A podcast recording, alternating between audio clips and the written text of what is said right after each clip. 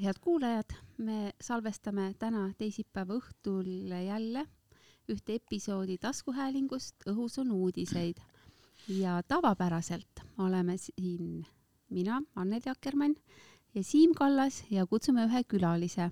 täna oleme külaliseks kutsunud Jürgen Ligi ja põhjusel, et selle nädala kõige suurem teema on õpetajate streik ja laiemalt meie koolivõrgus toimub. Jürgen on endine haridusminister ja rahandusminister. tal on selle ja kohta. paberitega õpetaja. ja paberitega õpetaja, õige külaline tänasesse saatesse. ja veel erutab äh, eriti seltskonna rahvameeli Äh, presidendi vastuvõtt ja kutsete saabumine või mittesaabumine. me räägime pisut üldisemalt põhiseaduslikest institutsioonidest ja kuida-, kuidas äh, neid kutseid hinnata äh, riigi toimimise ja põhimõtete seisukohalt.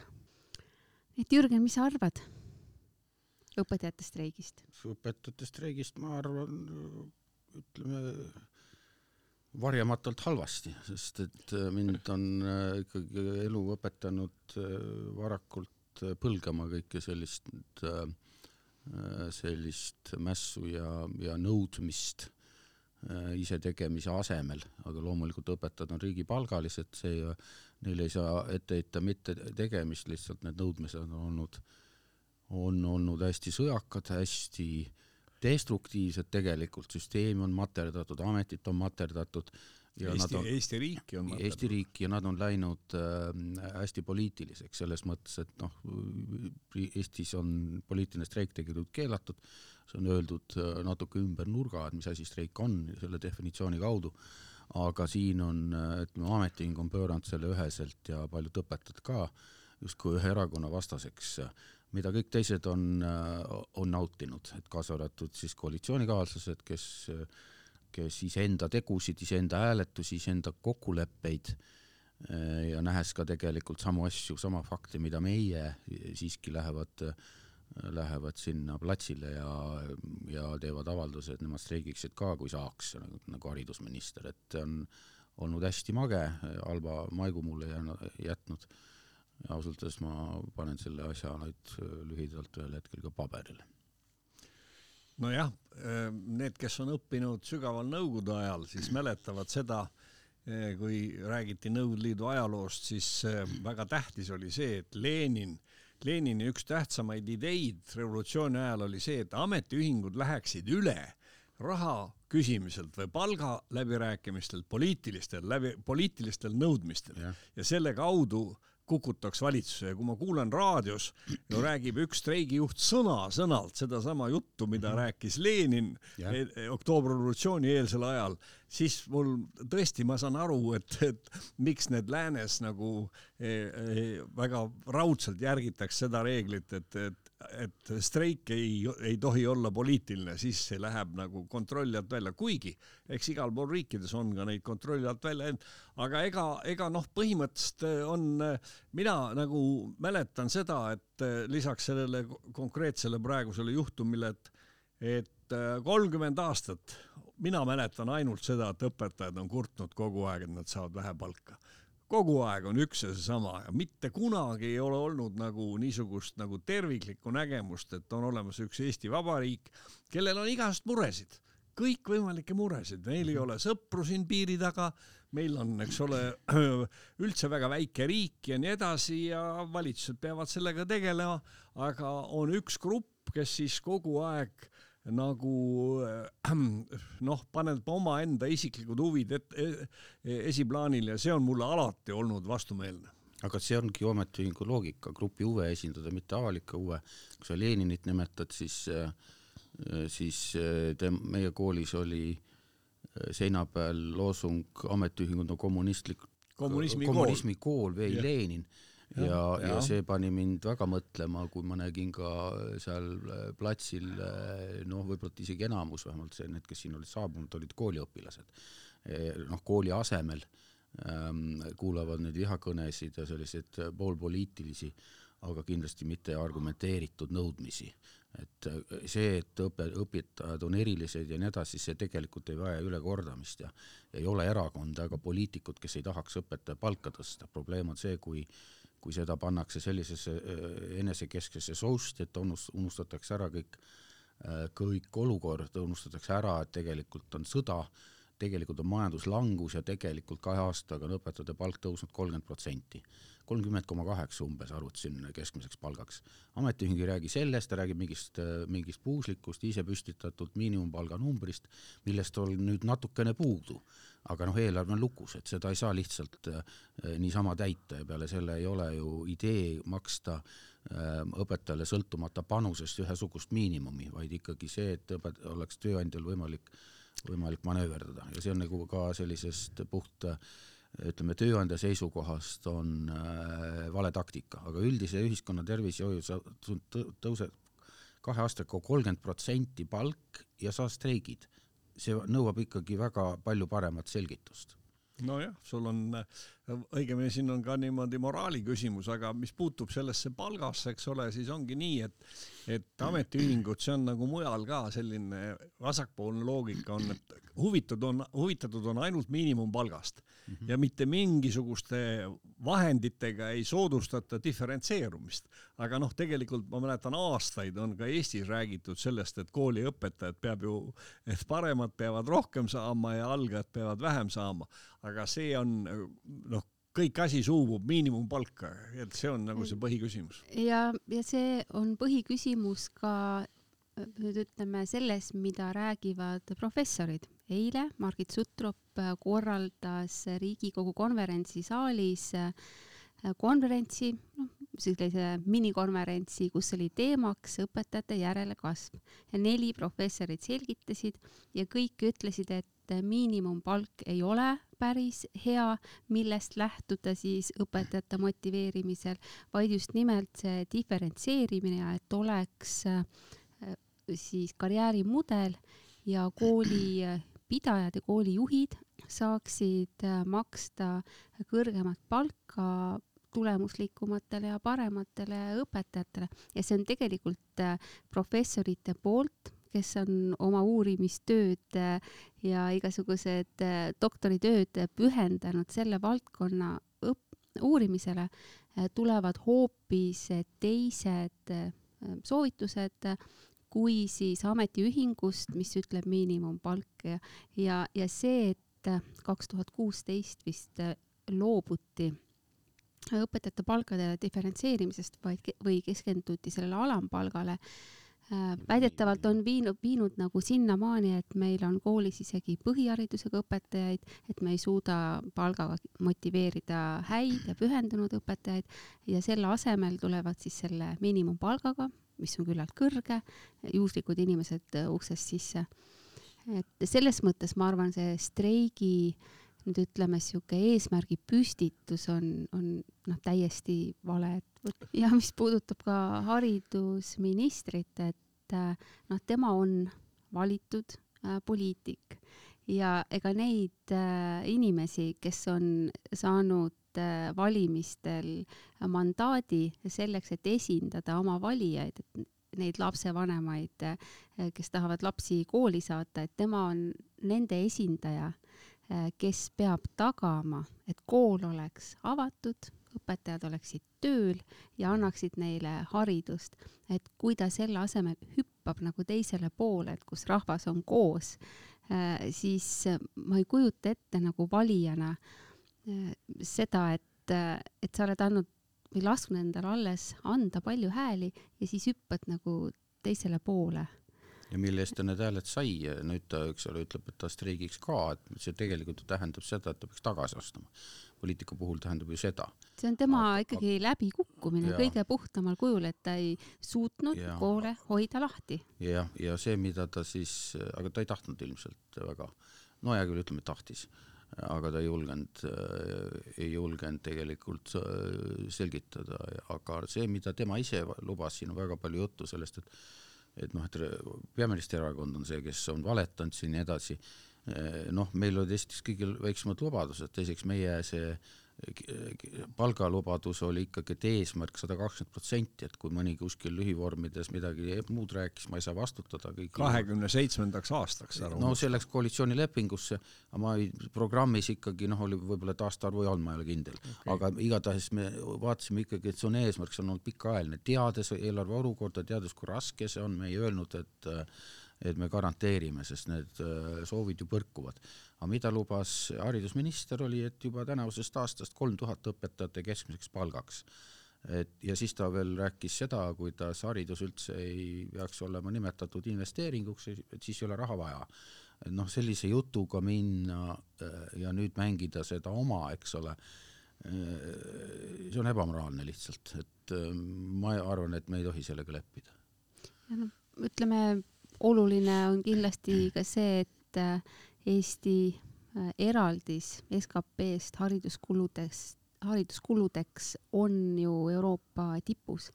et ta peab ikkagi selle rahaga hakkama saa-, saama ja tegelikult tal on antud nii palju vahendeid, et ta peab väga hästi hakkama saama no. selle rahaga, et mitte tulema küsima juurde teistelt valdkondadelt, mis on oma finantseerimises, finantseerimise osakaaluga SKP-st Euroopa Liiduga, teiste riikidega võrreldes üsna põhjas, näiteks sotsiaalhoolekanne. nimetame need numbrid ka siis, et Euroopa Liidu keskmine on neli koma kaheksa protsenti SKP-st ja Eestil on äh, kuus koma kaks protsenti.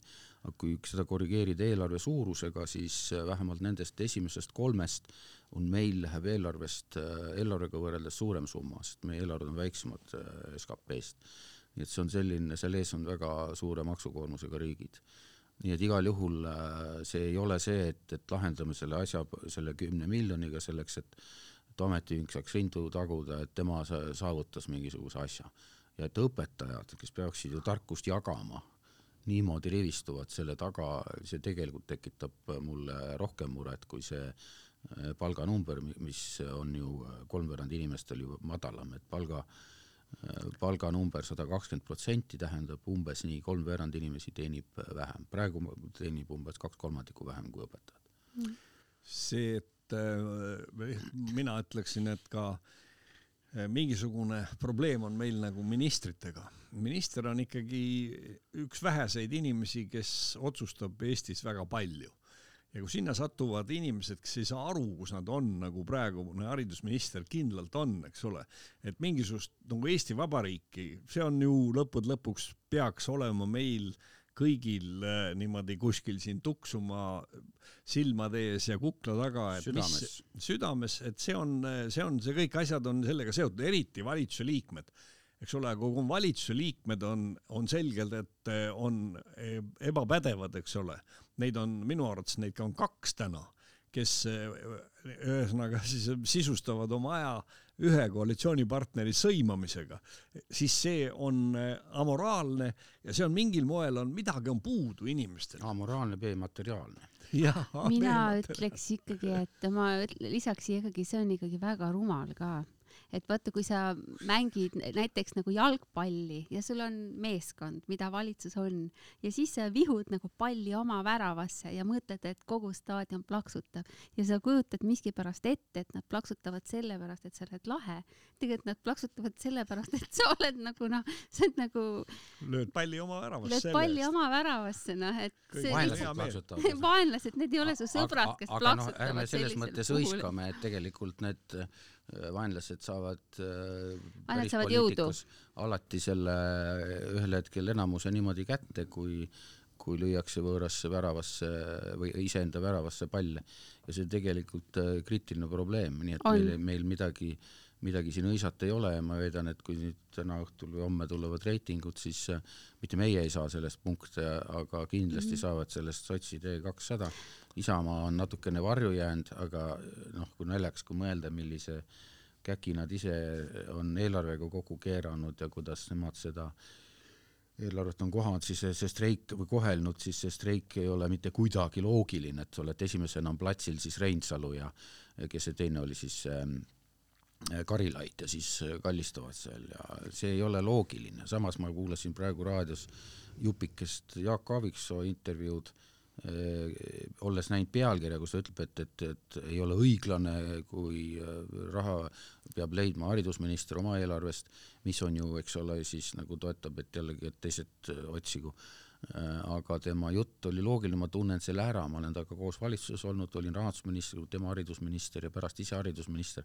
et see on seesama reformi agenda ikkagi, et sa pead äh, süsteemi seest, kui valitsus annab juurde, on ka, ma arvan, meelepärane, jumalale meelepärane samm, kui leitakse see, sest hariduse prioritiseerimine on tegelikult mõistlik Äh, ja, ja, ja kolmas on see omavalitsus, et tegelikult neid, äh, tegelikult ta tunneb asja.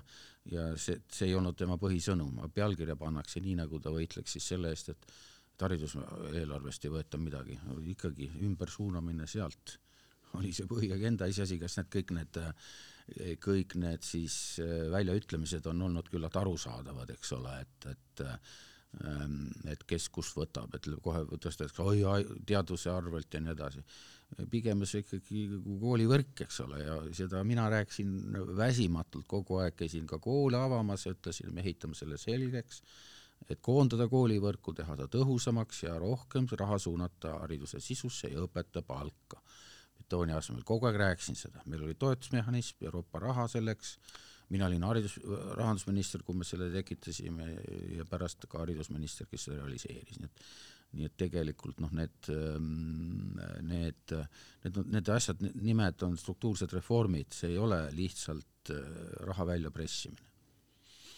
aga üks asi on see, et vaata eh, meil on terve oma poliitilise karjääri jooksul ja Reformierakonna ajaloo jooksul on olnud ikkagi tegemist kogu aeg võitlus populistidega. E erinevates erakondades, aga lõppude lõpuks väga harva on see, kui need populistid on võitnud, eks ole, sest noh, ikkagi meie saime ju, ju viimastel valimis kolm, viis viimast valimist oleme meie võitnud, eks ole aga äh, minul on tunne, noh, kõigepealt üheksakümmend viis võitsid populistid ja kak- ja üheksakümmend üheksa võitsid populistid, et me saime kolmekesi küll vastu neile lõpuks sellele üheksakümmend üheksa, aga üldjoontes tendents on minu arust ju liikunud ikkagi see selles, et ise e-, enda vastutus nagu on teisejärguline järjest rohkem ja kõik oodatakse riigilt, et minu arust on ära ununenud see Eesti riigi põhiolemus, et vabadus tähendas ka seda, et partei ei dikteeri ega ei valitse. partei ja valitsus ei vastuta meie eest, vaid ennekõike meie ise äh,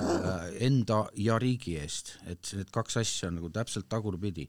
see on nii ununenud, võitlus ei käi enam sissetulekute nimel, enda parema hariduse nimel, vaid näiteks hindade pärast. Et see on täiesti ühiskonna tagurpidi pööranud, nii et ma ei hõiskaks jällegi siin, et see ei ole katastroofiliste mõjudega, see, mis toimub praegu. Muidugi see on natukene mujal maailmas ka, eks ole, see populistide peatung on igal see on päris kurb aga, ka riigi, aga ka riigikeskus kui selline, eks ole. no jaa, jaa, jaa, see on, see on, mille vastu meie alati oleme olnud, eks ole. Aga kui nüüd äh, kokku võtta see teema, siis ma ütleks ikkagi, et sellel aastal ju täiendavalt äh, haridusvaldkond sai viiskümmend viis äh, miljonit eurot. rohkem kui keegi teine. rohkem kui keegi teine. palgatõusu sai ainsana väljaspool eelarvet. ja palgatõusu sai, mis võimaldab tõsta palku siis neli koma kuus protsenti. viis koma seitse viis koma seitse isegi, sa mõtled seda, mis pärast see, juurde jah, leiti? mis on kokku lepitud. mis on juba kokku lepitud. noh, see on tehno juurde põhimõtteliselt. tehno ja sellega on võimalik ka diferentseerida palku järgmisel aastal, kui kaob maksuküür, siis äh, sellest on kõige suuremad äh, netosissetulekud. miinimumi tõusust. nii, kaob äh, maksuküür on..., kuna me tõstame maksuvaba miinimumi seitsmesaja euro peale kõigile.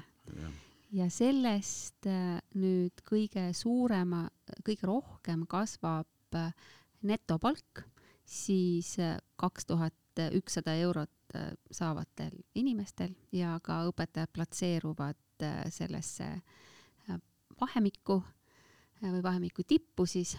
Ja nende igakuine netosissetulek, mis neile arvele laekub, kasvab ka umbes sada kakskümmend eurot kuus, kui ma nüüd vähemasti suurusjärk on õige. streigitakse praegu mitmekümne euro pärast miinimumpalgas eh.? on kellelgi peas see või? alla saja? ei, kas see jah, keegi ütles, et kuusteist, kuueteist euro pärast. ma ei ole seda, ma ei ole seda no.. ma pean paberid üle vaatama, aga ma ei ole aru saanud sellest puuslikust, sellest miinimumpalga pärast võitlema. jah, ja järg, jah, järgmisel aastal nagu puhtalt selle maksuvaba miinimumi kõigile kehtestumise pärast netopalk õpetajatel kasvab. Ja siis eh, võiks, eh, ma arvan küll, haridusminister võtta siis lauale paberilehe puhta, kirjutada peale pikk plaan ja öelda, kuidas ta nüüd äh, siis alates kahe tuhande kahekümne kuuendast ja kahekümne seitsmendal äh, teeb äh, ära struktuursed reformid, et suurte tühjade koolimajade kütmise ja koristamise asemel tõesti tõsta õpetaja palk siis saja kahekümne protsendini Eesti keskmisest. ma arvan, et see pikk plaan vajab mõnda aega, et välja tööt-, välja töötada ja ka võib-olla aastat äh, nagu juurutamiseks, aga see võimalus täna on haridusministril olemas ja ta võiks tegeleda sellega selle asemel, et öelda, et küll streigiks ise ka. mina muidugi olen pessimist, et ma ei, selliseid indekseerimisi ei pea realistlikuks, mõistlikuks, et me kaitsekuludes tegime selle ära ja, ja justkui teaduses ja kõrghariduses veel eraldi, aga et me teeme seda järjekordses ametis mehaaniliselt, see on natuke ebarealistlik ja, ja, ja aga noh, vähemalt see vaim peab tagasi tulema, mis oli kümme aastat tagasi. Ja mina noh, ütleme, et kogu selle, kuna me hakkame vist seda teemat kokku võtma, siis mina kujutan väga hästi ette, olles praegu julgeolekuasutuste komisjoni esimees, järelevalve esimees, siis äh, kuidas äh, Venemaa praegu registreerib äh, läänes toimuvaid streike, et see ei ole, see ei ole mingi paranoia ega kunstlik konstruktsioon, aga kogu tema tegevus, kui siin väga palju räägitakse sõja algamisest, siis ei tajuta seda, et Venemaa põhiline agressioonimeetod on ikkagi mõjutustegevus, ühiskondades ebakindlus, ebastabiilsuse ja umbusu tekitamine ja ta äh, raudselt Kreml registreerib iga streigi, äh, mille, mis tuleneb sellest, et elu kuidagi tundub kitsikus, majandus langeb, nagu ta praegu langeb ja et, et inimesed lihtsalt on kurjaks läinud, ei taju seda, et sõda on meie majanduslanguse tekitaja äh,. Ei ole see, isegi Kaja Kallas ei ole suutnud seda tekitada. et äh, selles mõttes on see ikka hästi häbematu, meil majanduslanguse ajal tõuseb kolmkümmend protsenti õpetajate palk ja tulemus on streik. -hmm. kes kuidas see sai juhtuda? kes juubeldab? kuidas see sai juhtuda, ütleme kuidas see sai juhtuda üldise negativismi, eks ole, ebakindluse kõige foonil, aga raudselt Putin kirjutab selle enda, enda saavutuseks. mina ütlen, et ta ei tule Eestile relvadega kallale, aga ta on kogu aeg tal kallal no,. nii palju, kui tal aega ja tähelepanu on, kaudselt, ilma et ta peaks kätt külge panema tema tekitatud kitsikused, kibedused on need, mis praegu ajavad inimesed täna. aga vaata, siin on ja, see asi, see asi, mida ma nagu alguses ka ütlesin, et meie oma vastutus, nüüd on sul, eks ole, õpetajate kõneisikud kui sina räägid siin kõiki, mida me oleme rääkinud ja, ja peaminister on rääkinud, kõik neid asju, eks ole, see kolmkümmend protsenti palgatõusu ja, ja ülejäänud raskused, me oleme kaitsekulutusi tõstnud ja nii edasi. ja sul on õpetajate liidrid kellel pole sellest sooja ega külma, kes täiesti vastutustundetult tähendab eh, ründavad tegelikult Eesti Vabariiki ja mobiliseerivad kõik, eks ole, õpet-, õpilased ja, ja, ja, ja lapsevanemad sellele, et, et, et teha selgeks, et see Eesti, mind, mind teeb see kõige rohkem, see ei ole mitte ainult õpetajate, teeb see unnet, et see Eesti Vabariik nagu on, üldiselt on see kõik valesti, siin on kõik halvasti tehtud, kogu ja. aeg on kõik halvasti üldiselt tehtud. üldiselt on pohhui ka, et täna hommikul Terevisioonis äh, mingi tegelane, ma ei tea, kes ta oli, võib-olla ta oli võimlusõpetaja, ta sajatas, kuidas kooli, kõik koolides toodab rumalaid ja nii edasi. kust see tuleb? meil on koolis, meil on maailma parim meil kool, maailma parim, maailma parim kool, kool äh, ja kuidas ja siis kõik lükkas nagu poliitikud abstraktselt poliitikute kaela. no kus see viha õhutamine, ei ole seda asja. viha on õhutatud praegu selles olukorras, kus tegelikult on viha peaks olema piiridest välja suunatud. see, et äh, Napoleon on öelnud, et et eh, oma kirikuõpetajate ja oma sandarmitega ma juhin Prantsusmaa ära. ehk siis seda võiks tõlgendada nii, kirikuõpetaja on see, kes kasvatab nagu või noh, see, see suunab seda vaimsust ja noh, võiks öelda samamoodi, aga meie ei ole saa õpetajate peale kindel olla, eks ole, sest et õpetajad tahavad ainult oma palka, eks ole, ja nendel ei ole sooja ega külma sellest, mis mured üldse on Eesti Vabariigil. selgub, et neid muresid ei ole mitte vähe. ei ole. Jah.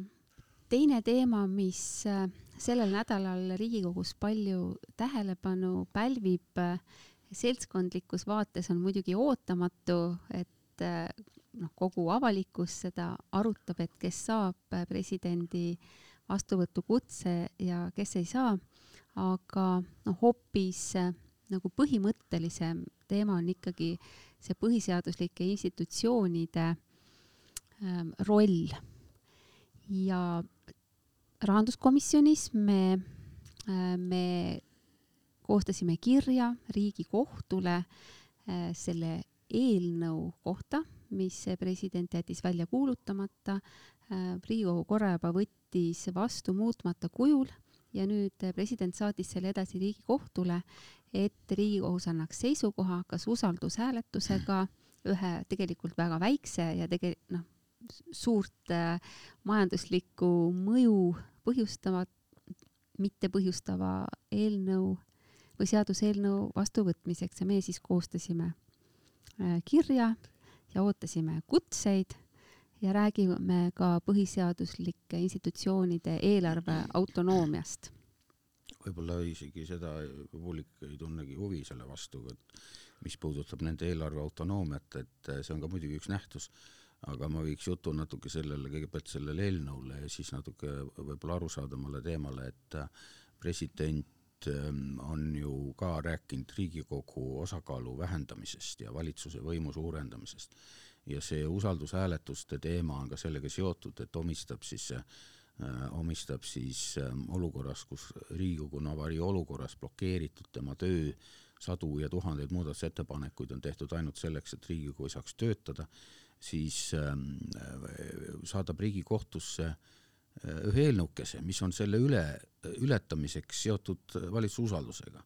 Loomulikult see ühtpidi taandab Riigikogu võimalused, teiselt poolt see ju äh, muudatusettepanekud, teiselt poolt see on ka ainus võimalus, miks, kuidas Riigikogu sai üldse äh, eelnõusid eelmine aasta menetleda aasta, aasta ja, ja, ja, ja siin hakkab, hakkab minu jaoks nagu presidendi esimene möödalask, ta jättis moraalse hinnangu sellele olukorrale andmata, ta lõi muljet kogu aeg, nagu oleks äh, kõik süüdi, nagu institutsioon oleks süüdi ja, ja, ja tegelikult äh, oleks see kuidagi see vastasseis vastas, vastastikune. tegelikult üks erakond jättis äh, jättis tunnistamata valimistulemused ja peatas parlamendi töö. nüüd järgmine, et kui ta äh, niimoodi ikkagi korduvalt on öelnud, see on nüüd vana sihuke no natukene jaur minu arust õiguskantsleri suus ka, et eks nad kopeerivad üksteist või ka eelmiste presidenti et see Riigikogu osa äh, vähendamine, et äh, tegelikult Riigikogu ei kurda ju väga selle üle, et ta ei saaks äh, valitsuse, ta lihtsalt mõistab, et valitsuse aparaat on niivõrd tugev, et ta saab, Riigikogu saab toimuda natuke üldisemate teemadega, tehnilisemad, jätta valitsuse ette valmistama, valmistada ja siis otsustada. aga noh, kui nüüd see presidendi, kui see vastuvõtt tuleb, eks ole, siis, äh, siis järsku Riigikogu, kes valis presidenti, tema nüüd hakkab järsku valima Riigikogu. kelle ta kutsub? valitsuse ta kutsub täies koosseisus, parlamentaarses riigis siis Riigikogu hakkab valima president. kes see siis on, see pädev minema, kes ei ole, siis veel õiendab vastu, et, et lükkas ümber, presidendi kantselei lükkas ümber süüdistused. kui me tegelikult räägime ju institutsiooni ja, ja, ja demokraatia kaitsest et oleks võinud vähemalt kasutada võimalust vait olla, aga, aga niisugune vastus tuli sealt kantseleist ja muidugi noh, täiesti ootuspäraselt tohutu äh, parastamine selle valija enda poolt, et näe, kui tore, lõpuks sai seal Riigikogul ära teha. riigi, riigi president ei tohi ennast upitada parlamendi najal suuremaks, vastupidi, ta peab kogu aeg selgitama mis asi on parlament, kui seal kogu liikmed, paljud liikmed või mõni liige ei meeldi, ei tähenda, et see institutsioon tohib olla kuidagi põlu all. ise ta selle põlu alla pani, valitsus on nagu viisakalt kutsutud, riigikogus on ainult nomenklatuur ja siis need, kes endale, siis mõnitatakse otsa, et mõni veel mainis, et tal on kleit tehtud juba, eks ole, naljakas küll, poleks pidanud mainima, eks, mhm. aga selle taga on ikkagi see tragöödia, et, et täiesti ootamatu kolmekümne-aastase traditsiooni eh, tapmine mingi mugavusseletusel. nojah eks see on nagu jah, üks osa suuremast küsimusest, et äh, ma olen äh, alates kahe tuhande teisest aastast kaks korda kirjutanud sellest, et presidenti kui sellist pole vaja. ikka küsimus on selles, et, et mis on tema legitiimsus et eh, ma siin olen vahepeal vaimustunud John Locke'ist, kelle, kelle teosed lugesin läbi ja kes, kelle, keda loetakse nagu selle liberaalse demokraatia nagu alusepanijaks. tema siis need põhimõtted ja, ja see põhimõte on see, et eh, kogu see küsimus, tiir, kõik tiirleb võimu legitiimsuse ümber ja, ja legitiimne on eh, vabalt valitud seadusandlik kogu. nii ja see on see nii-öelda riigi valitsemise alus. Ja see on kõige tähtsam. Ja, ja seal on veel palju huvitavaid asju, aga, aga meil on niiviisi, et, et noh, põhimõtteliselt ja siis on täitevvõim, siis on see või, kolm võimude lahusus, kolmas tuli Montesquieu'ga juurde, kohtuvõim, aga no igal juhul lahusus. Ja siis on üks huvitav aspekt on, et aga mismoodi seda parlamenti peaks kontrollima et see on nüüd, ütleme, kuna president on siin äh, selles funktsioonis, et ta, see võib seadusi tagasi lükata ja nii edasi, et kes kontrollib seda parlamenti? Ja, ja John Locke ütles, et sellisel juhul peab olema parlament jaotatud kaheks, et peab olema see teine koda. Ja kui te vaatate seda Anglo-Ameerika süsteemi ja paljusid riik, teisi riike ka, isegi kaasa arvatud Saksamaa, kõigil on see teine koda. see tähendab, et see on ka legitiimne, aga see saab teistmoodi legitiimsuse. Ja tema saab siis olla see, kes võib mõne eelnõu, noh, vaadake Ameerika Ühendriike, kongress ja senat, see vahekord. Ja see on kõik seesama. Ja, ja aga meil on nii, eks ole, et president, sellest, millest te siin enne rääkisite, eks ole, et see seaduseelnõu, nüüd president, kus on see tema legitiimsus, et ta lükkab mingi seaduse tagasi?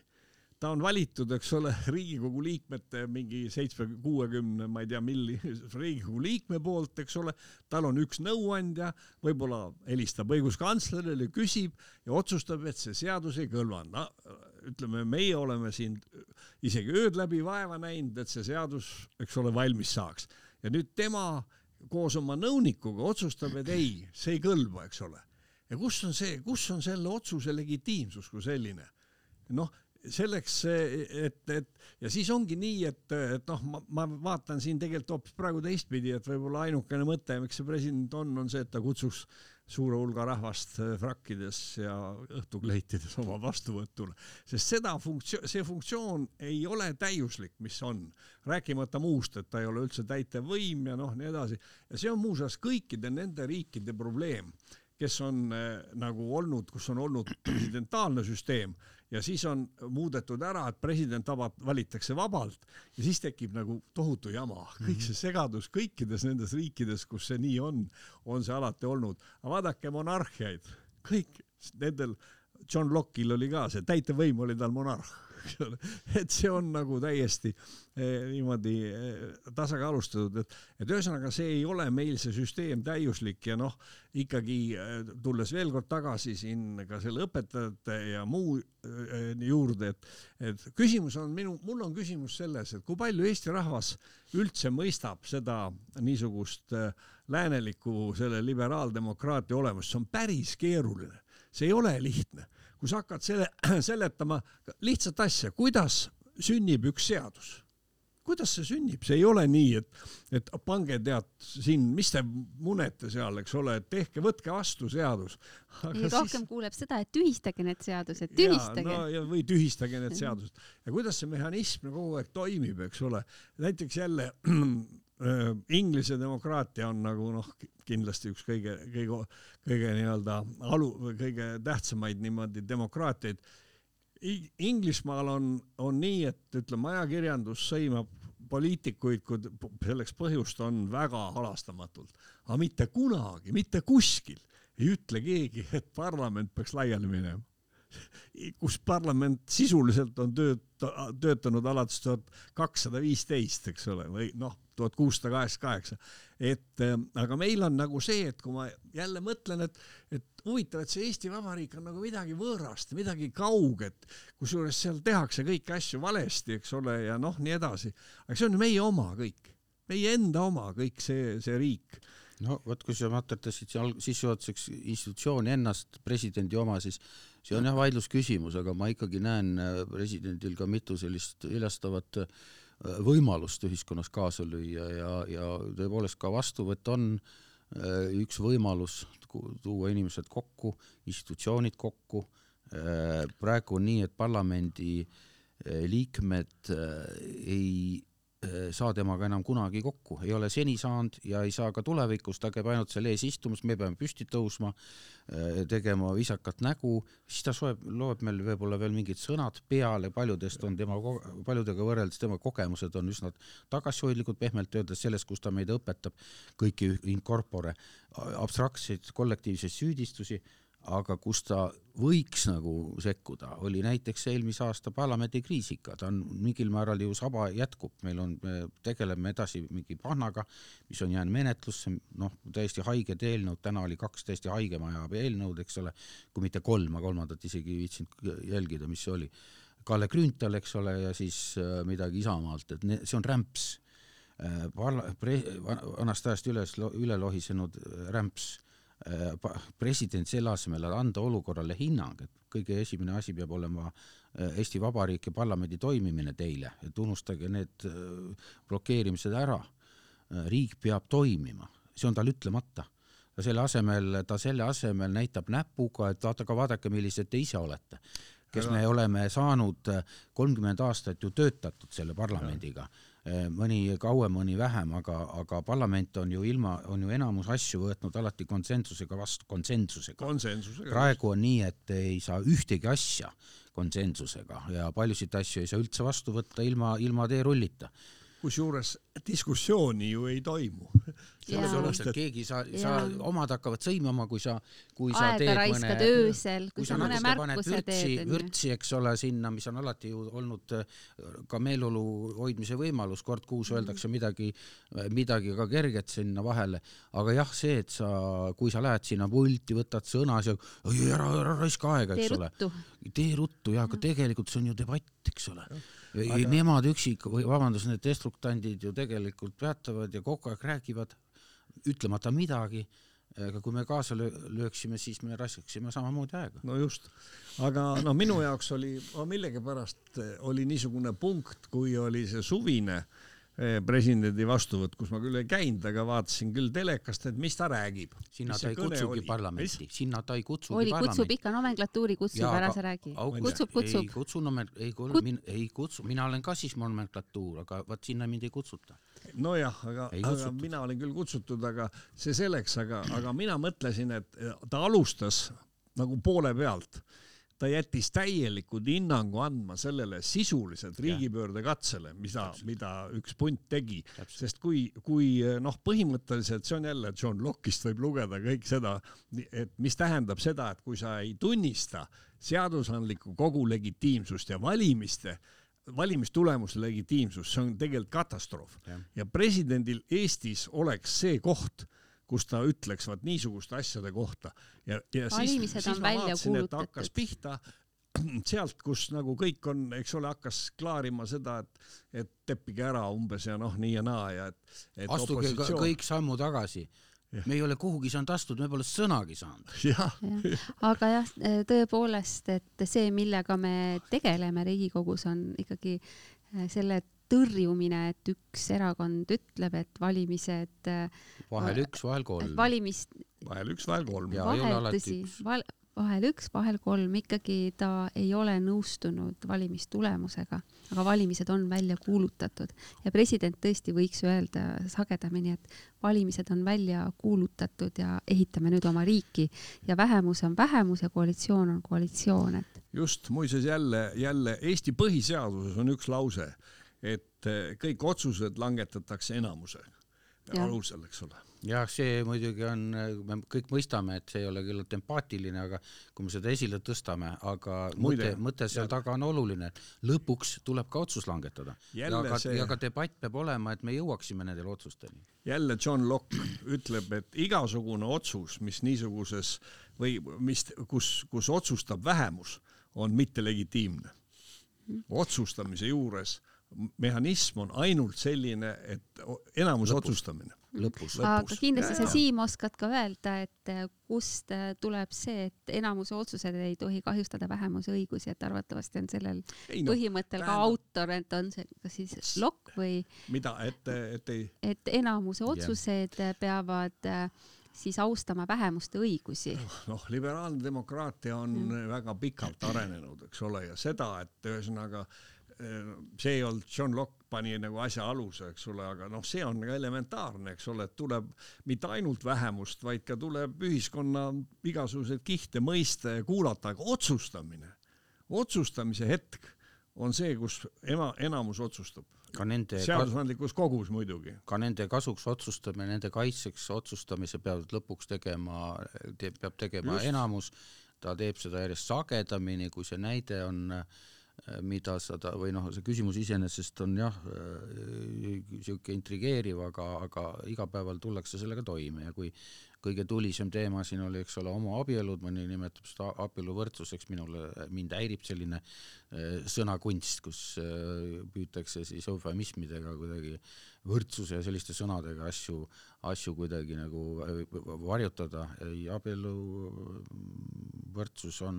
halb sõnaloome küll aga miks see otsus on äh, põhjendatav ikkagi minu jaoks sedapidi, et äh, enamusele üsna väheolulist asja ei pea äh, peale suruma nii, et vähemus on, tunneb ennast väga halvasti. Et seal ka kaalud on, olulisus, tema olulisus on nendel enamusel ja vähemusel väga palju ja sellepärast enamus saab vähemusele vähemusele teha väga suuri järeleandmisi ühiskonnas ja nendega väga palju arvestada. Ja kui ma kahe tuhande, kui ma kahe tuhande üheteistkümnendal aastal esimest korda Riigikokku tulin, te olite siis juba kümme aastat äh, tammunud äh, Toompeast üles, siis äh, peeti Riigikogu üheksakümnendat aastapäeva ja siis oli Rahvusraamatukogus konverents, et umbes seitsekümmend protsenti eelnõudest võetakse vastu kas siis ühehäälselt või konsensuslikult, nii et keegi ei hääleta vastu no,. Nagu ja, ja, ja praegu tegelikult noh, mis, millega nüüd nüüd Kaja Kallase juhitav valitsus on tegelenud sõja esimesest päevast ja pisut ka varem, et konsolideerida siis kõiki rahvusvahelisi organisatsioone, toetama Ukrainat vastavalt nende siis rahvuslikule kogutulule ja noh, miks see mind noh puudutab ja mind kurvaks teeb, on see, et praegu on Riigikohtus ka kolm Ukraina abistamise eelnõud. Eesti Eesti osakaal siis Euroopa Liidu riikide kogu rahva kogutulust on null koma kakskümmend neli protsenti ehk äh, nüüd ütleme noh, Kaja Kallas, peaminister, on põhimõtteliselt proovinud seda Eesti panust kogu aeg neljasaja, neljasajaga läbi korrutada, et, et, et see ka mõõtuks, et see panus oleks suurem. ja mul praegu just äh, meenus äh, see, et kella neljast ma kohtusin ja seal oli päris palju inimesi Aasovi ohvitseridega, kes olid siis Aasovis vangi langenud ja sealt vahetati vange välja, et äh, üks noh, kaks äh, noort ohvitseri, ühel oli noh, käsi oli äh, ütleme kunstkäsi, ma ei oskagi öelda, mis, mis, mis tüüpi täpselt protees. oli. no protees jah, et ja, ja kes on nagu sellest põrgust läbi käinud ja räägivad, mida nad äh, nägid ja mida võiks teha ja mis võiks ees oodata. ja selle äh, taustal äh, noh, me mängime nii ukrainlaste eludega kui ka meie enda julgeolekuga no,. meie enda huvides on no, täpselt sama palju. inimliku headusega ja e ennekõike me oleme siiski inimesed, nii et ja. väga, väga-väga noh, kurb oli ikkagi istuda nende noorte meeste vastas seal, kes sellest võrgust on läbi läinud see täna. ongi, see ongi rõve, sa tõid selle kolme eelnõu näite, aga algusest peale ju ja on ju äh, EKRE ju äh, vastandunud sellele relvade andmisele, kogu aeg toodab seda siin mõni päev tagasi, eks ole.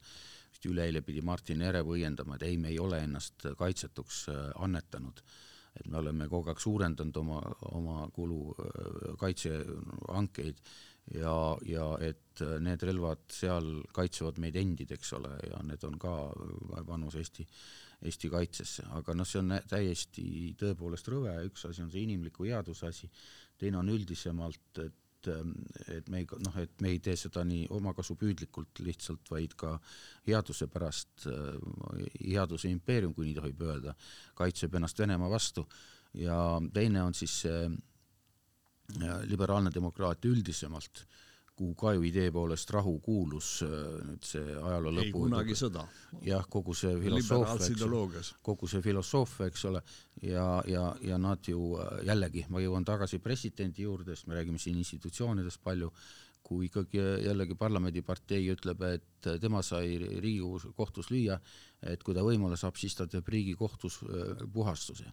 Ja ühtegi piiksu ei tule Kadriorus, mitte ühtegi piiksu küll õpetajate streigipäeval on nii mürin, eks ole, võtab sõna vastutamata millegi eest või vähemalt eh, oma kehaga äh, läheb sinna toetust avaldama. et äh, noh, tegelikult see on ju võitlus äh, Eesti riigi vastu, kui sa selliseid asju, sa lased samm-sammult institutsioone, eks ole, kotid, kõik, igasugust sõltumatut ekspertiisi, igasugu institu-, sõltumatuid institutsioone ja siis oled täielik äh, noh, ühesõnaga sisuliselt vastu, vastandud liberaalne demokraatia muudetud sõimusõnaks ju tegelikult Eestis. ja siis nopitakse seda samm-sammult ja see on rõve. see ja siis siinkohal veel, eks ole, kogu selle Ukraina peale ja, ja selle jutu peale mina jälle mõtlesin seda, et kas need õpetajad, kes täna streigivad, sellest ka oma õpilastele räägivad? täpselt täpselt, mida on... nad räägivad. ma tegelikult ausalt öeldes pingutan kogu aeg, kuidas seda paberile panna kui äh, streigi õppetunde.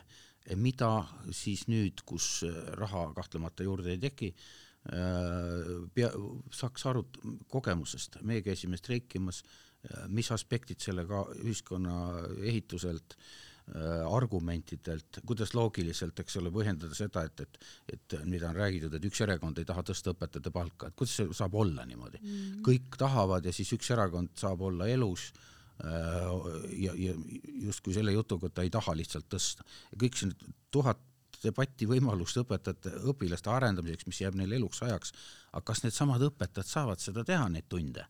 minu arust ei saa siis nad on võidelnud oma palga eest, lapsi kasutanud sealt ja tegelikult äh, levitanud väga suure hulga pooltõdesid mm. -hmm. no vot, kuhu me nüüd oleme jõudnud? me oleme jõudnud, jah, et ma arvan, et nüüd me oleme jõudnud nii kaugele, et me saame saatele joone alla tõmmata. jutt on vägev, juttu on olnud nii-öelda, kuidas öeldakse, et kauemaks. kauemaks, jah. kohv on otsas ja head kuulamist. ei ole enam mitte midagi rääkida. head kuulamist, uut teemat üles ei tõsta. jah, olgu nii. olgu